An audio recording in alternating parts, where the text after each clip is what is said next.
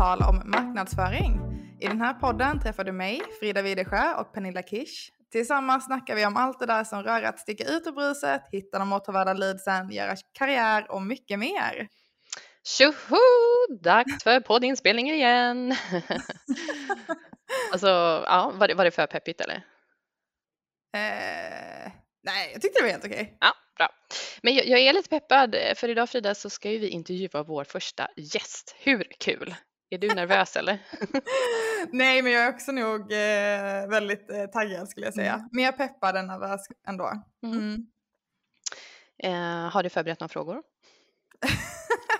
Ja, nej men det, det ska jag väl inte sticka under stolen med att eh, det finns ju en del frågor på lager. Mm. Skönt ändå. Ja.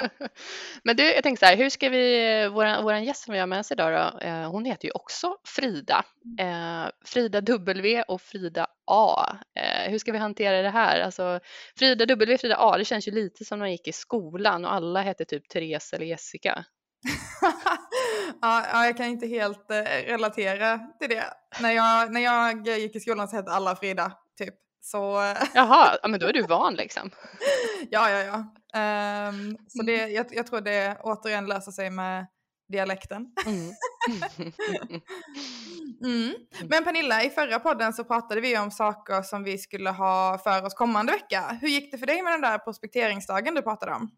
Jo, men det gick bra. Eh, vi var ett gäng eh, säljare som, eh, som körde.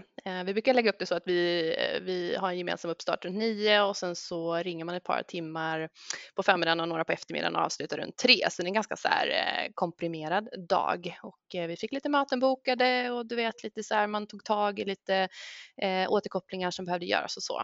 Mm. Mm. Härligt, skönt ju. Ja. Och eh, B2B-dagen då Frida, det blev succé eller? Ja men det blev det faktiskt. Mm. det var ja, men det är långt över mina förväntningar, verkligen. Eh, mm. Så himla bra dag blev det. Mm. Eh, B2B-dagen var ju en dag för marknadsförare, säljare och personer inom CX. Ehm, och, så vi hade över 20 talare, ehm, jag tror det var 15 webbinar samma dag i, i olika spår. Mm.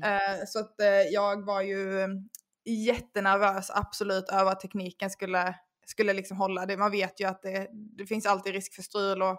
när det är mm. så mycket som går parallellt och det är saker som ska klaffa för att ja, eh, olika spår i, olika tider och, och olika webbinar som ska sen in i något annat webbinar och sådär. Så att eh, ja, nej men eh, det blev ju en succé, absolut. Eh, allting funkade och det klaffade så bra och innehållet var jätteinspirerande och mm. ja, men jag, det var så härligt och vi har fått en jättefin feedback efteråt med med deltagare som var med som tyckte att, det, att de blev inspirerade. Och det är det enda som, som räknas ändå, att de som är mm. med tycker att det var inspirerande innehåll. Ja. Så äh, jag är supernöjd. Vad kul ändå när man testar något nytt. Alltså så. Det är mm. första gången det här konceptet rullar liksom. Ehm, men visst, det är ju alltid nervöst med, med tekniken som du säger. Ehm, ja.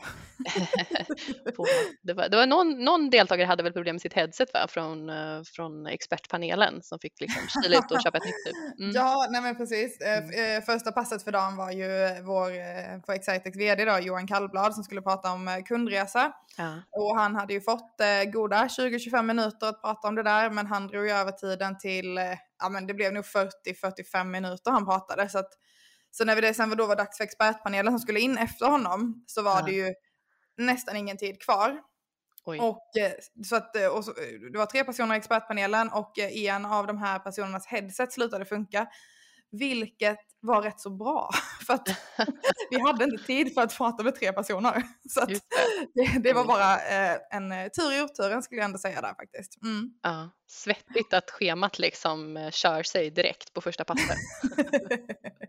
ja, nej, men det gick bra. Vi fick mm. träffa expertpanelen på eftermiddagen igen ändå så att nej, men det löste sig, det tycker ja. jag. Mm. Ja, proffsigt löst. Jaha, hur är känslan annars då? Har du någon vårfeeling?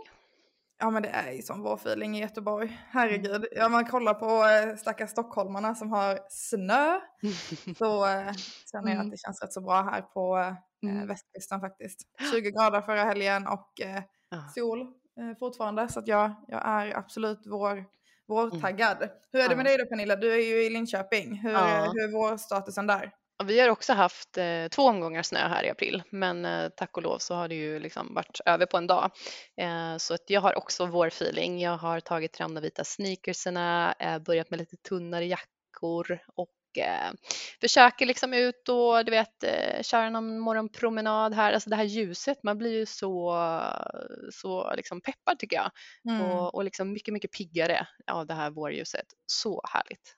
verkligen. Mm. Nej, men det, är- det är helt fantastiskt. Nu är det vad är det, del två av eh, det här året känns som vi har inlett med, eh, med ett, eh, ja, verkligen ett startskott nu här. Mycket bra. Mm. Men eh, jag känner så här, börjar det inte bli läge att släppa in vår gäst snart?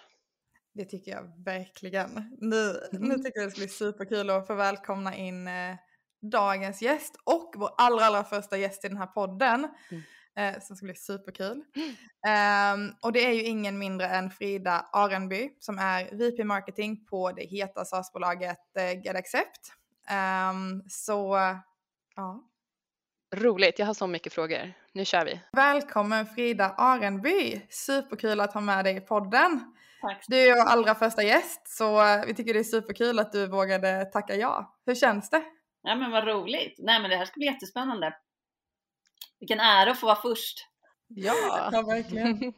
ja, verkligen jättehärligt. Och det är just det härligt också för det är ju fredag idag. Mm. Ehm, Det är det ofta när vi spelar in podd.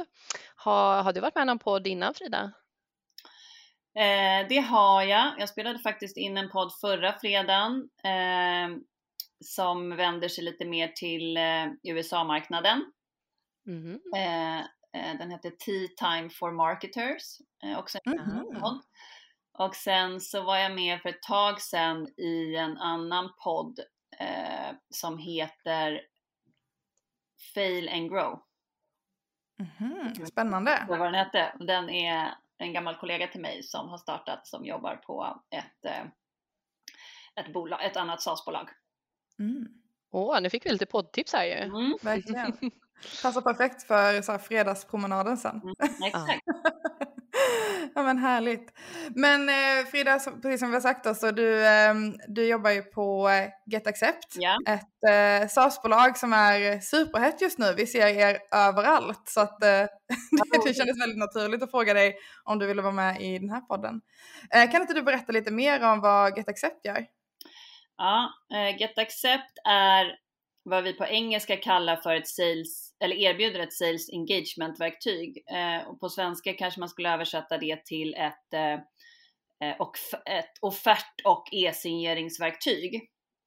Så är man ett bolag som har någon form av säljorganisation eh, där man såklart numera jobbar digitalt eh, till största del och behöver en plattform eh, där man mellan köpare och säljare vill liksom skapa ett, ett interaktivt flöde, det ska vara personlig kommunikation, man vill skapa engagemang precis som man skulle ha gjort om man möttes i, i verkligheten face to face. Så tillhandahåller vi en plattform där man kan mötas på ett mycket mer personligt sätt genom att det finns en massa olika funktioner och features som, som chatt och som videopresentation och eh, eh man kan mäta och spåra allting som händer i plattformen och hur man delar present- material med varandra.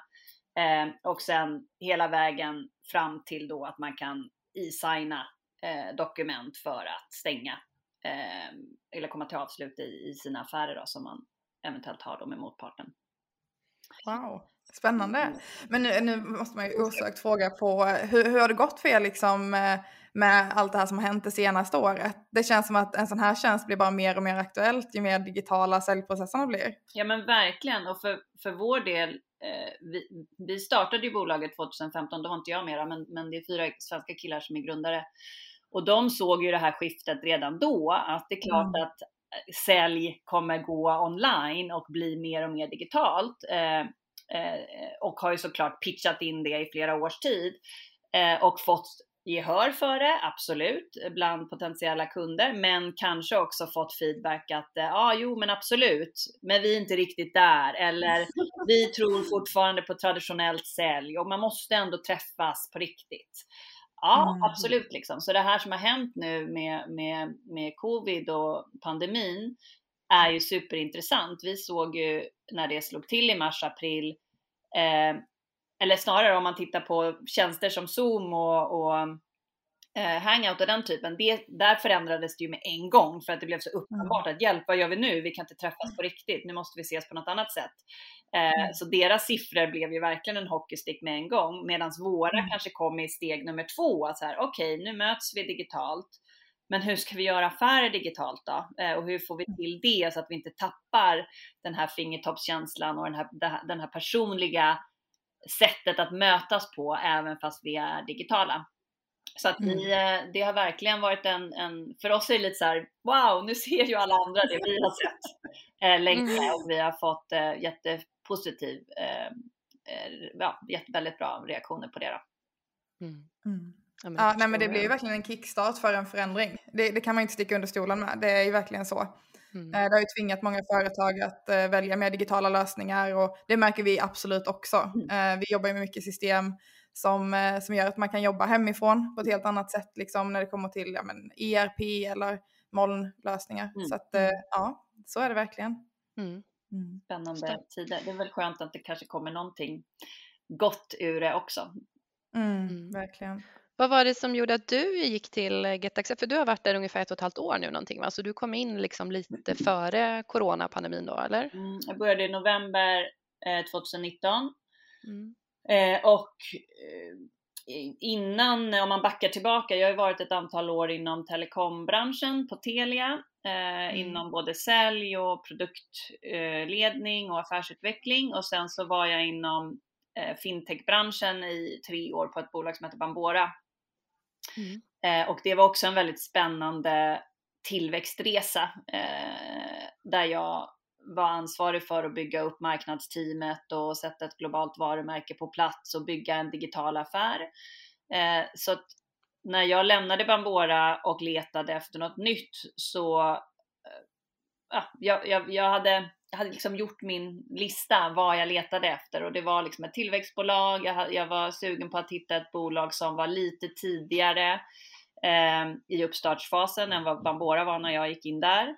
Eh, jag ville att det skulle vara en global affär eh, och jag letade efter ett bolag med en väldigt stark kultur och värdegrund. Mm.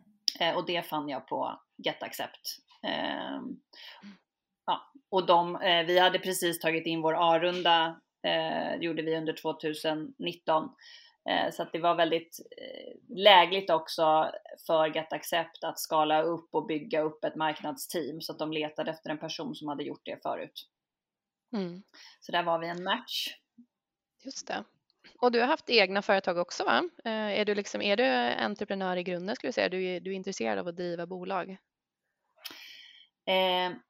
Ja, jag skulle inte säga kanske att jag är entreprenör, men jag tycker det är jättespännande att bygga upp bolag. Men jag är kanske en person som kommer in lite senare i en fas där det finns någonting etablerat att jobba med och ta vidare till nästa fas.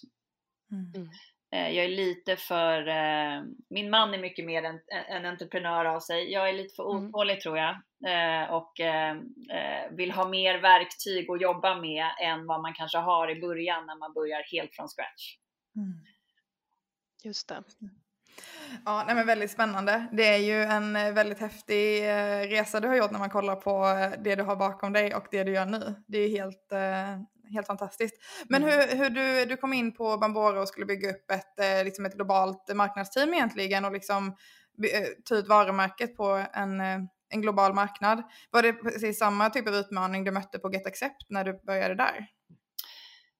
Um, ja, men lite olika skulle jag nog säga. Bambora hade en väldigt tydlig uppköpsstrategi för att växa där, där man köpte bolag eh, för att eh, utifrån liksom eh, eh nästan olika eh, capabilities eller vad man ska kalla det för. Vi köpte liksom en säljorganisation där, vi köpte en plattform där, vi köpte någonting annat där för att snabbt växa globalt och kunna tillhandahålla ett helhetserbjudande till slutkunden som i Bamboras fall då var fysiska retailers som behövde någon form av betallösning eller så var det e-handlare som behövde en betallösning.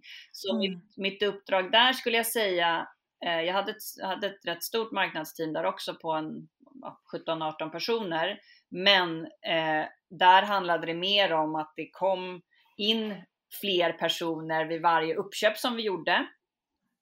Eh, och jag behövde eh, förstå hur de nya personerna som kom med marknadskompetens skulle passa in i det marknadsteam som redan fanns och hur man liksom mm. byggde det teamet utifrån ny kompetens som kom in i teamet. Mm. Eh, för att vi skulle kunna fortsätta att, att eh, ja, fokusera på det vi, vi fokuserade på såklart.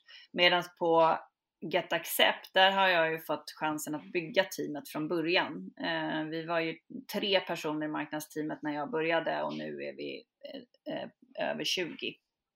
Wow, mm. vilket marknadsteam. Ja, det är en dröm. Men eh, jag, jag har så mycket, nu, nu, känner jag att nu har jag så mycket frågor här. Uh. Uh, Pernilla, du, du, får, du, du, får komma in här nu också. Men jag är nyfiken så här som du sa, när ni har vuxit så mycket. Uh, hur märks det i jobbvardagen? Eller märks det i, i jobbvardagen, liksom att ni har gjort den här resan på så kort tid?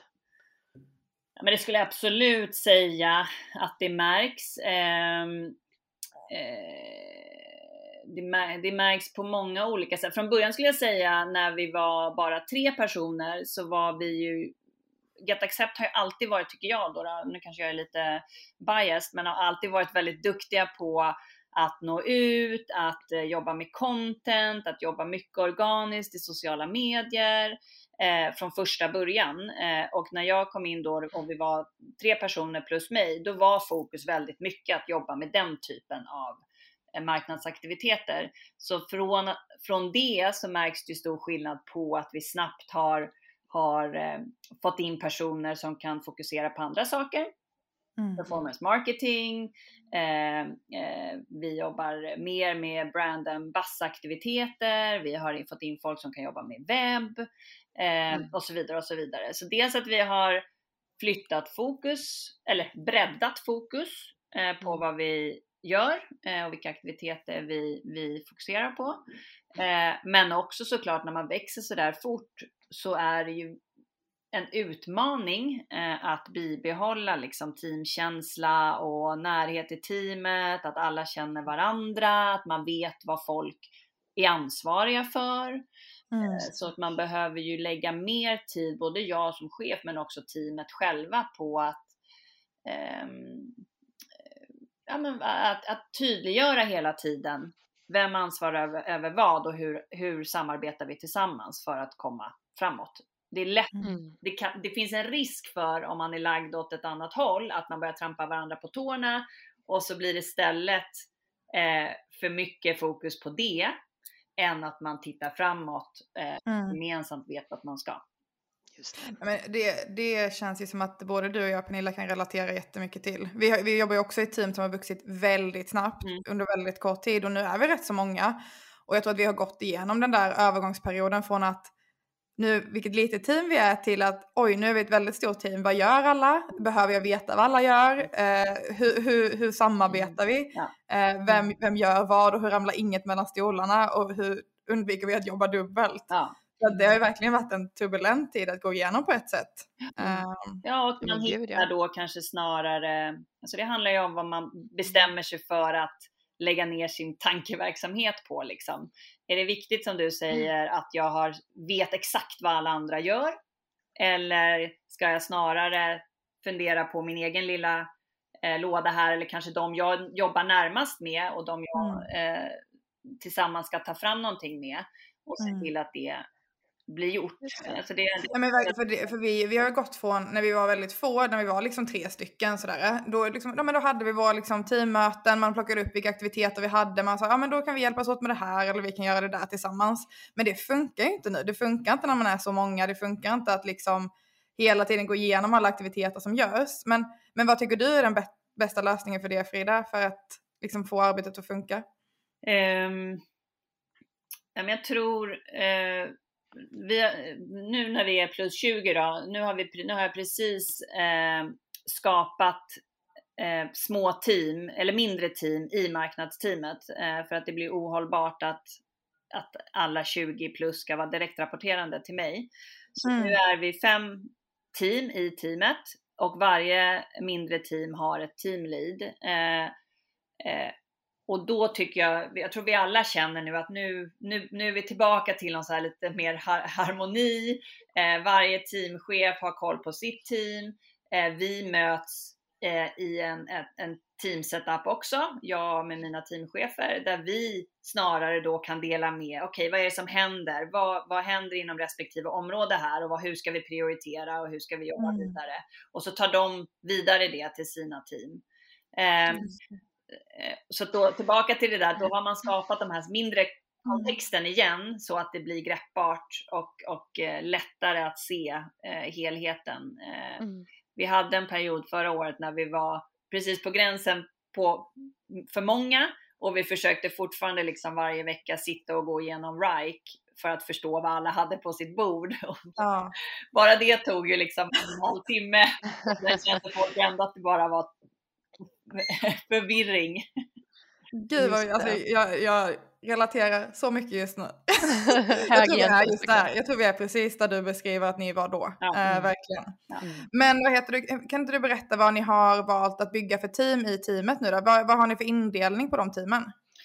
Eh, jag har tre eh, globala team kan man kalla det för, eller centrala. Eh, ett team som, som är ansvarig för brand and buzz som vi kallar det för. Eh, så alla våra mer varumärkesbyggande aktiviteter.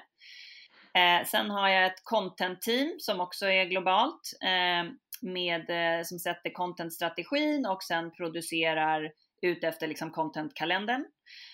Och sen så har jag ett partner team som också är globalt. Våra partners är ju framförallt CRM-leverantörer som har integration till vår, till vår tjänst. Eh, och med hjälp av dem kan ju vi nå ut ännu längre. Eh, så därför är partners väldigt viktigt för oss eh, och det teamet är också globalt. Och sen så har jag två regionala team. ett som fokuserar på USA och ett som fokuserar på Europa. Och det är då mer fokus på demand gen. Båda de mm. två teamen.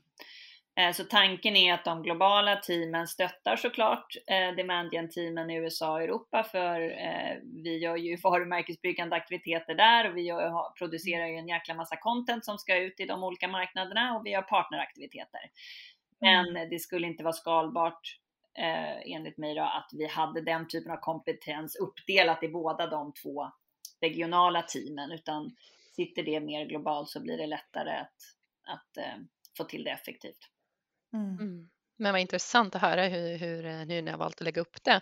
För jag tänkte just på det hur ni, hur ni sitter då som du säger. När du säger ett globalt team, menar du också då att ni sitter i olika länder och liksom jobbar globalt? Eh, ja, vi är mm. ju, vårt huvudkontor är i Malmö. Mm. Jag sitter själv i Stockholm. Eh, så att vi är eh, sju stycken marknad, i marknadsteamet som sitter i Stockholm. Vi är ungefär lika många som sitter i Malmö. Men sen så har jag också eh, eh, personer i Oslo, eh, i Århus där vi har kontor, i Marseille och i USA. Mm. Wow. Så det är ja. Eh, utspritt. Det är häftigt. Ja men det är väldigt, eh, ja men jag, jag Mm. Jag har så mycket frågor. Jag, jag försöker så här, hålla tillbaka så att vi inte sitter här hela dagen och, och pratar. Men, nej, men vi, för vi är ju precis i det läget också. Vi har ju också kontor liksom på många platser i Sverige. Vi har kontor i Århus och nu snart i Oslo då. Mm. Uh, så vi har ju precis samma liksom, uh, utmaningar där som ni antagligen hade för ett tag sedan. Att vi ska gå in på nya marknader nu når. Vi ska in i Norge mm. uh, och liksom bygga upp den, en, ett varumärke där också. Hur många är ni i teamet nu? Ja, hur många är vi nu Pernilla? Är vi åtta? Ja, åtta tror jag vi är. Och så mm. kommer det ytterligare en i, i augusti då. Mm. Ja, och en till i Norge också eventuellt. Då, så att, eh, mm. så att vi är precis i den där övergången som, som du, du mm. pratar om. Eh, där jag har nu gått mot den norska marknaden då. Eh, för att mm. eh, fokusera där. Så eh, ja, eh, jag har ju några frågor till dig kring det. Men, Men jag är lite... vad, vad skulle du säga är första steget när man ska gå in mm. på en ny marknad kring marknadsföring? Mm. Bra fråga. Ja, det var en bra fråga. Um... jag ska inte säga att jag mm, har, har receptet, men så som vi har gjort, eh, om man tittar på framförallt Danmark, Norge och Frankrike och USA för den delen också, har ju varit nya marknader för oss de senaste två åren. Ehm, eh, och i och med att vi är väldigt tillväxtorienterade eh, och har liksom en hög tillväxttakt så har, har vi gjort, eller vi har haft den strategin att vi går in med en liksom paid-strategi. Så att det första vi gör är att vi kickar igång ett antal, ett antal liksom paid-aktiviteter. Eh, mm. vanligtvis eh, sök såklart, eh, men också eh, sociala mediekampanjer eh, i, i olika kanaler. Mm. men i kombination med det så försöker vi vara ganska snabba på att börja bygga upp liksom en contentapparat så att vi eh, får till på längre sikt liksom det viktiga SEO-arbetet. Eh, men framför allt att vi har någonting att prata om eh, till mm. marknaden. Att vi är tydliga med vilka vi är, att vi försöker hitta kanaler eller externa plattformar där vi kan, kan sprida det här innehållet eh, så att vi successivt eh, liksom blir mer och mer kända och tar position på den marknaden. Men det är ju ett väldigt tidskrävande jobb. Liksom. Det tar tid. Mm. mm. Och, eh, och, och, Norge är verkligen en sån marknad där vi har sett att, att eh, ja, men vi nästan blev frustrerade förra året för att vi tyckte liksom att vad fasen, vi gör, vi gör rätt grejer, vi gör hur mycket saker som helst. Varför kickar det inte igång liksom?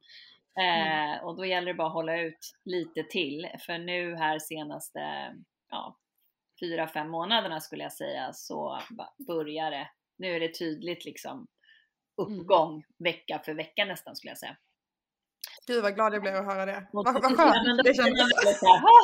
Vilken tur att ni höll ut liksom ett tag till. Mm. Det där är ju en balans. Det är ju jättesvårt då för det blir ju såklart en, en, en, en, en, en tävling mot klockan höll jag på att säga. Eh, eh, har man en viss budget så kan man ju inte driva hur mycket kostnader som helst innan man måste se att det börjar hända någonting. Liksom. Mm. Men hur många månader skulle du säga att det tog innan det vände då? Eh, ja, men vi har ju varit i Norge sedan 2019. Vi kickade väl igång aktiviteter på marknadsaktiviteter på riktigt 2020. Så ett år, mm. ett år, ja. Ja, men då, då vet jag när det har gått mer än ett år, då börjar jag börja fundera på vad det är som händer. Så vill man gärna se någonting innan dess också, små indikationer, men, men eh, man behöver kunna dra ut den där tidslinjen lite längre för att faktiskt se, men titta här, det, det, det går ju faktiskt uppåt. Eh, men mm. börjar man också från små volymer så är det ju så lätt om man tappar en vecka att man känner att man är tillbaka på nästan minus. Eh, och då behöver man ha den där lite längre tidslinjen så att man faktiskt ser att trend, trendriktningen här är åt rätt håll. Mm. Eh, istället för att man mäter på korta perioder. Just det. Och er målgrupp, är det liksom i huvudsak liksom försäljningsroller, försäljningschefer, sales operation, alltså det är den, den typen av eh, roller ni riktar er mot eller det, kan det även vara liksom marknadsförare som, som är intresserade av att säljarna ska ha den här typen av verktyg? Eller? Jag skulle säga primärt att det är sälj, beslutsfattare mm. inom sälj. Men med det mm. sagt så eh, kan, kan man ju applicera vårt verktyg på alla former av liksom avtalsintensiva eh, mm. eh, flöden och organisationer. Det kan ju vara HR också. Eh, mm.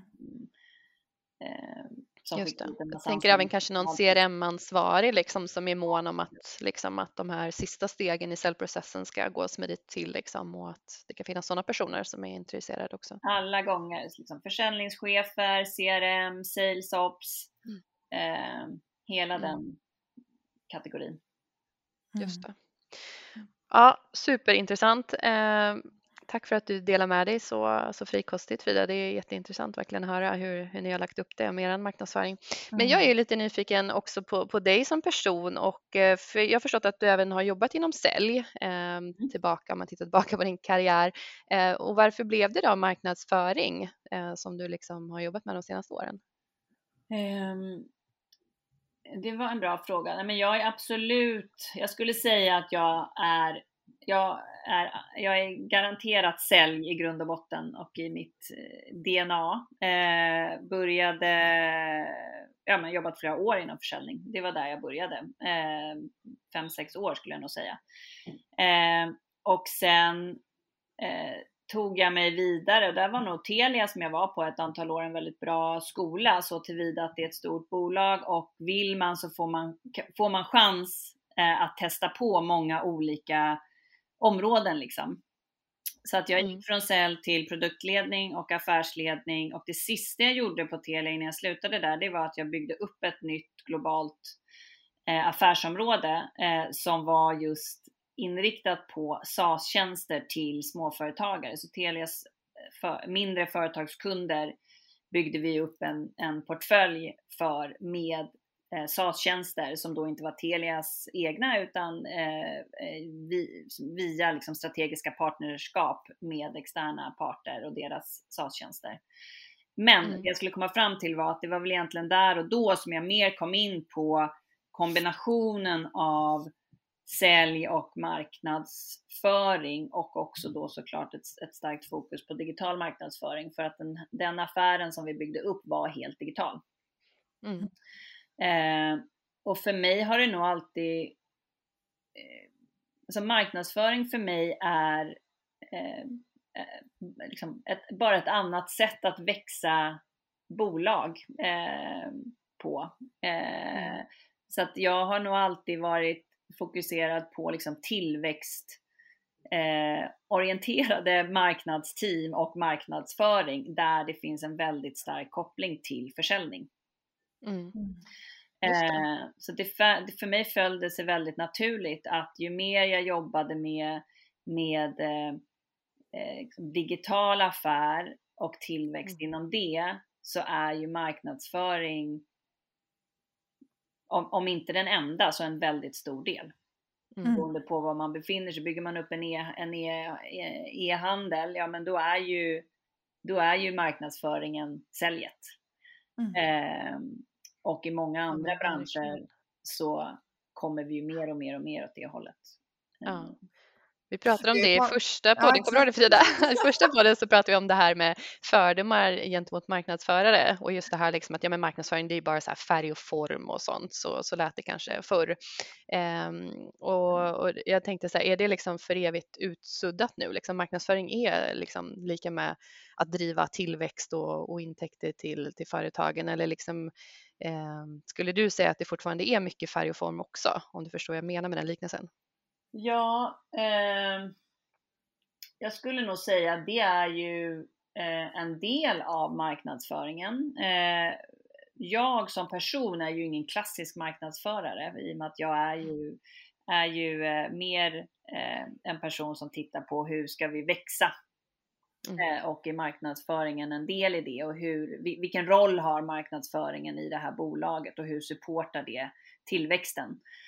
Men Eh, så att jag tror att marknadsförare idag, eller jag är övertygad om att marknadsförare idag eh, behöver vara, eh, ha den hatten på sig och titta på bolaget som helhet och hur bolaget ska växa och hur marknadsföringen, vilken del marknadsföringen tar i det. Men med det mm. sagt så behöver ju eh, behöver vi ju ändå få fram vårt budskap och det vi vill förmedla ut till marknaden genom många gånger något visuellt eller något kommunikativt. Mm. Eh, och där behövs ju mer liksom klassiska marknadsföringskompetenser. Alltid. Mm. Just det, helt klart. Gud, det kändes nästan lite vackert tycker jag, att liksom marknadsföring blir så här verktyget. Liksom. Det är inte på något sätt ändamålet utan det är verktyget för att företagen ska kunna växa. Ja. Mm. Men jag tror kanske om man ska leda ett marknadsföringsteam att man måste ha en god förståelse för hur de olika delarna i ett bolag hänger ihop och driver bolagets tillväxt och att marknadsföringen, marknadsavdelningen är en väldigt eh, stark drivfaktor i det. Mm. Man behöver ha en, en, och jag säger inte att marknadsförare för 10-15 år sedan inte hade en affärsförståelse, det är jag säker på att de hade också, men det blir väldigt mycket tydligare att, att den som är eh, marknadschef idag har en eh, oftast tydligare plats vid, vid bordet eh, än vad man kanske hade nödvändigtvis för 15-20 år sedan. Verkligen, det tror jag också. Eh, det, det, tror jag verkligen. Eh, sen tror jag att eh, olika branscher rör sig nog olika snabbt där. Jag tror SAS-världen är nog en bransch som har rört sig väldigt snabbt. Där ni har kommit väldigt långt med den förståelsen. Liksom. Ja, och där för att svara på din fråga som du hade i början kring eh, eh, varför jag valde Get Accept. Eh, det var också en anledning till att jag tyckte att det här bolaget kändes så spännande för att det var så tydligt när jag pratade med grundarna att de hade den förståelsen. Eh, att marknads, eh, det teamet vi bygger här ska bidra med eh, om inte 50 eller minst 50% av tillväxten, eh, in, eh, intäktstillväxten. Eh, och har man den förståelsen som grundare, då blir det ju också ett helt annat uppdrag att ta sig an än om man jobbar mot en ledning där man inte förstår hur marknadsavdelningen, eh, marknadsavdelningens mm. del i tillväxtresan. Liksom. Wow, vilket uppdrag du, du accepterade. Det är inte dåliga siffror att bidra till. Nej, ingen, ingen pressure. Men vad heter det, eh, hur, hur mäter ni eh, ert marknadsarbete då? Kan, eh, mäter ni liksom affärer som kommer in eh, direkt från liksom webben? Kan man, köper man er tjänst så liksom, utan att prata? Eller hur mäter ni det? Vi mäter eh Eh, vi mäter all eh, här, på, på vår webb så kan besökare konvertera till olika typer av, eh, ja, men man kan boka en demo eller man kan skapa ett eh, gratiskonto eller du kan testa och signera dokument. Det finns lite olika typer av CTAer. Eh, och den typen av CTAer eller konverteringar räknar vi som eh, marketing qualified leads. Och sen kan vi följa det genom hela funnen hur de där leadsen konverterar hela vägen till eh, vunnen kund och vilken mm. intäkt den kunden har bringat in. Och på så sätt kan vi mäta hur mycket av intäkten som var marketing contributed. Just det, men hur är det mm, så här då? För, för det här kan man ju stöta på att eh, man jobbar liksom saker händer väldigt parallellt eh, i köpresan. Det är ju inte ofta liksom att en köpresa bara är digital eller den bara är med hjälp av en, en säljare som har kontaktat någon kallt. Mm. Hur, hur, hur, ser ni på liksom den här att det kanske var en säljare som ringde kallt och liksom försökte pitcha in någonting, funkade inte och sen så konverterar personen på webben istället. Ja, den är alltid svår. Det där får man liksom aldrig, den ständiga frågan. Eh, mm. Eh, och den har inte vi heller löst än. Eh, Vad skönt att inte ni heller har gjort det. jag kan inte servera en lösning här. Men tillbaka till eh, varför det är så viktigt att sälj och marknad har en helt transparent och öppen dialog och att man jobbar tillsammans och att det inte finns någon konkurrens på så sätt. Mm. För att då hamnar man i den där diskussionen att nej men det var jag, nej det var jag, nej det var jag. Mm. Eh, och vem ska få mm. cred för den här affären? Eh, det är för mig eh, så här, oh, sånt, mm. jag är allergisk mot den typen mm. av tjafs. Ja. Och det är också, jag tänker också typ på event och webbinars och sånt. Det är också väldigt vanligt ju. Som säljare har man ju liksom rätt mycket kontakter som man liksom ja. bearbetar eh, som är i olika faser och långt eh, ifrån ett potentiellt köp. Ja. Eh, mm. och däremellan så pushar ju marknad för webinars, event, alltså olika mm. grejer där man kan få ta del av kunskap och sådär. Mm. Eh, och då blir det också det här, ska det vara touched by marknadsavdelningen då liksom när affären kommer eller hur ska man tänka? Mm, mm. Exakt. Och man mm. hamnar i att 100% är marketing influenced. Eh, för att mm. det är ju dit vi vill såklart. Mm. Men man, man, behöver landa i någon modell som alla på något sätt kan säga ja till. Eh, och den kan se olika ut på olika bolag. Och sen kan man dividera om hur man får till den perfekta optimala mm. modellen. Men det är fortfarande svårt uppenbarligen för att det är en ständig diskussionsfråga. Mm. Ja, så blir det ju. Så är det så, såklart, man mäter ju man, man vill ju mäta sig både som liksom helhet och team. Men själva syftet med alla och allas arbete är ju att driva tillväxten för företaget. Så egentligen i grund och botten så ska det ju inte spela liksom någon grundläggande roll. Men det ger ju ändå en riktning och en tanke om man är på rätt håll eller liksom var man är på väg. Ja. Um, så, så är det verkligen. Det vi kan mm. tycka är väldigt roligt att titta, som du sa Pernilla, att när man, om, om en säljare har, har eh, eh, tagit kontakt med ett prospect och inte riktigt fått dem på kroken, men vi kan ändå se liksom i våra loggar att, att säljaren har, har försökt och sen så har vi till exempel ett webbinar där eh, den här personen eller personerna deltar och därefter stänger vi affären.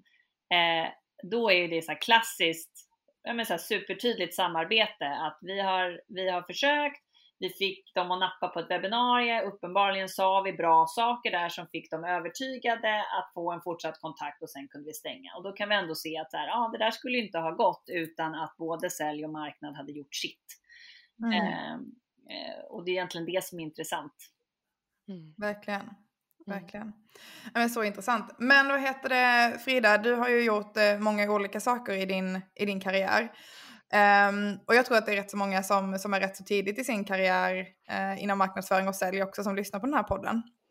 Uh, hur tycker du man ska liksom tänka kring att uh, liksom göra val i sin karriär och, och, välja när man ska gå vidare och, och vilket, hur man ska styra liksom var man ska komma någonstans?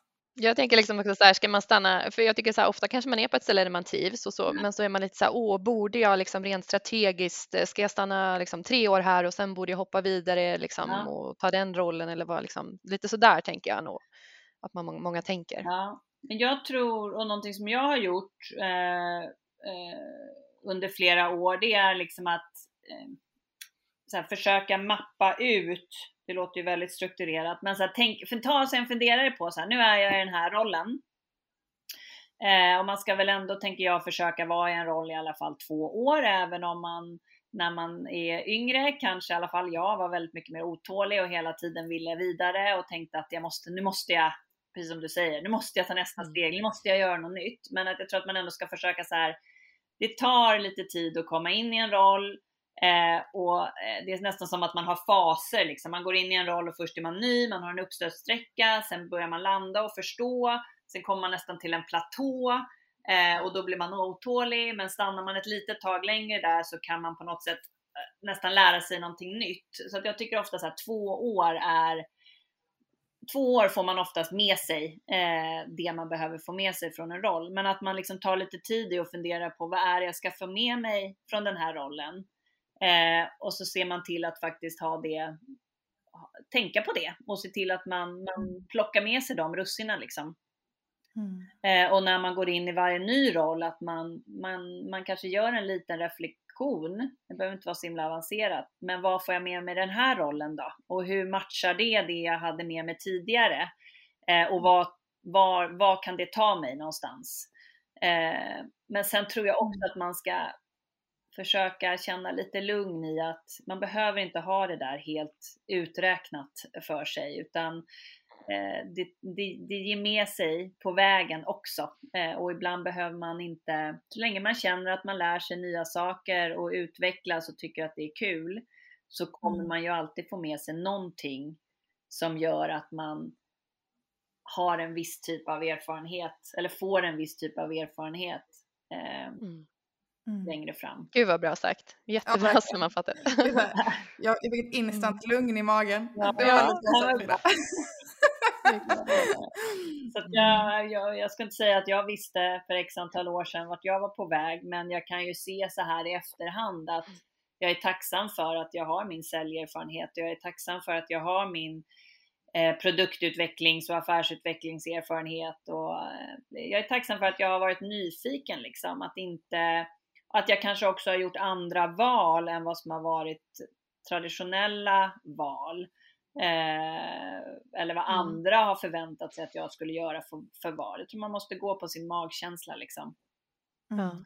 Hur mycket tänker du att man ska fokusera på själva rollen kontra eh, företaget när man väljer liksom sin, sin, nästa karriärsteg. För jag tänker nu när marknadsprecis som du var inne på, ni har ju själva liksom ganska specialiserade roller i ert marknadsteam mm. eh, och det är ju inte så att man när man tittar vad, vad söker man efter så är det ju inte bara hej, vi vill ha en marknadsförare utan det är liksom eh, någon content specialist eller det ska vara en SEO-expert eller det ska, alltså det är ju så väldigt nischade no roller ibland. Mm. Ska man liksom fokusera på rollen eller snarare liksom att det här verkar vara ett, ett bolag som jobbar med saker som jag är intresserad av och sen så får rollen bli lite bredare kanske eller lite mer uppblandad eller så? Vad tänker du där? Jag tror att det kan vara olika. Eh, det beror nog lite så på också vad man är ute efter. En del, en del personer lockas ju mycket av att vara inom större bolag för att man får med sig en, en eh, logga liksom på sitt CV och det kan väga väldigt tungt och utifrån det perspektivet så, så är det ju bättre då att välja företag för att man också får chanser att göra många olika saker inom företaget. Men jag tror inte man heller ska vara rädd för om man snarare är mer en, en en, du behöver inte nödvändigtvis vara en specialist, men mindre bolag kan också ge väldigt stora möjligheter utifrån att du kan eh, få chans att verkligen bli expert inom ett visst område. Och, och idag, och det, menar, idag är det så lätt att också beskriva vad man har gjort och, och, ty, och visa tydliga eh, liksom resultat på det. Eh, så att mm. oavsett om inte, var, eh, om inte bolaget har ett så känt namn så kan man ju visa tydligt vad man har gjort och vilka resultat man har åstadkommit. Eh, mm. Som kan ta en vidare i karriären också. Så jag tror inte... Ja, det beror lite på vad man, vad man själv triggar igång på liksom. Men vad heter det, mm, nu, nu börjar vi ju eh, dra iväg mot slutet. Men en, eh, en sista, sista fråga till dig då Frida. Om, eh, om du tänker liksom på när du letar personer till ditt team, vad, vad är det för kompetenser och för liksom personlighetskompetenser som du tycker är extra viktiga hos marknadsförare? um, Nej men jag, vi tittar ju mycket på, nu bygger jag ju teamet, precis som ni säger, med eh, lite tydligare expertkunskaper inom olika områden. Så då tittar jag ju på det. Eh, vad, har man, vad har man gjort innan och hur kan man eh, tydligt visa liksom att man kan, kan det området. Vi jobbar då oftast med, med case i våra intervjurunder och det kan ju låta jätteläskigt eh, men det är, är liksom case som är starkt kopplat till rollen och ligger som en diskussion, som ett diskussionsunderlag kan man säga i, i intervjuprocessen. Men ge, genom att göra det kan man få en väldigt bra bild på, eh, eller av personen och deras kunskap inom området. Eh, mm. Så det är viktigt, men sen är vi väldigt måna om eh, att det ska vara en, en liksom cultural fit. Vi letar efter personer som har, eh, kan bidra till Get Accept kulturen utifrån att man är nyfiken, man är positiv, man har, har bidrar med energi, eh, man är mån om att vara, vara en del av att växa vårt bolag, eh, man är en teamplayer, man eh, mm. vill jobba tillsammans. Eh, det är en stor del av vad vi tittar på också när vi letar personer. Mm. Men det, det tycker jag är, det stämmer så väl överens också. Det här med nyfikenhet tycker jag är en jätteviktig liksom, punkt där med. Att för marknadsföring är ju en bransch, eller en profession som rör sig så snabbt. Det kommer så mycket nya saker, det kommer trender och det är liksom nya system stup i kvarten. Så en nyfikenhet och en vilja att anamma nya lösningar är nog en jätteviktig kompetens att ha. Ja, men det är omöjligt att kunna allting. Så att men mm. är man nyfiken och inte rädd för att testa, då kommer man ganska långt med det också. Mm. Just det, vara lite snabbfotad och så. Nu, kom jag, nu fick jag, och nu sa du att det var sista frågan Frida, men nu blev jag ändå så nyfiken. Eh, hur, hur, är ni duktiga på att fira era framgångar? Eh, ni växer, det går bra och så vidare. Är ni liksom duktiga på att fira? För det tycker jag man kan vara lite dålig på ibland, att man bara säger åh, åh, nu har vi gjort det här jättebra, så next tar man nästa uppgift och så bara, men vänta lite nu, vad har vi åstadkommit där? Jag tycker vi ska vara bättre och det är en eh, så här, ständig reminder till mig själv. Eh, och det är en utmaning när man växer så snabbt för att det är lätt, precis som du säger, att man säger bra, check på den, levererat, nästa. Eh, och det är ju livsfarligt om man hamnar i det. Eh, mm. att, eh, vi, eh, vi kan absolut bli bättre på att fira saker och vi tänker på det hela tiden och jag har sagt till, till mitt team att ni måste ni måste hjälpa mig liksom. Eh, för att eh, hänger det bara på mig att, att komma ihåg det här och påminna mig själv så det är lättare om vi hjälps åt liksom. Mm. mm. Eh, men det är absolut, sen så är man ju frustrerad nu för att det är ju inte lika lätt att säga, men vi möts, vi, vi kör en middag på fredag eller vi tar mm. after work eller vi beställer tårta till kontoret. men alla sådana här saker som var lite enklare sätt att fira på förut, det blir ju en stor utmaning nu. Mm. Mm. Eh, men det finns många, vi försöker liksom träffas remote, vi, vi eh, Eh, vi vi eh, skickar, om det nu är någon som, som har gjort någonting, att man skickar någon liten eh, överraskningslåda till den personen och är med och öppnar mm. tillsammans mm. eller vad det nu kan vara. Men, men jag längtar efter när man kan ses på riktigt så att man eh, får till det där på ett roligare sätt. Verkligen. Men det var väl ett jättebra avslut. Så eh, då lämnar vi med oss en uppmaning om att fira mer. För det tror jag att alla kan må rätt så bra av. Verkligen, det håller jag med om. Mm. Mm. Men Frida, stort, stort tack för att du var med i podden. Jag hade kunnat sitta här eh, hela dagen.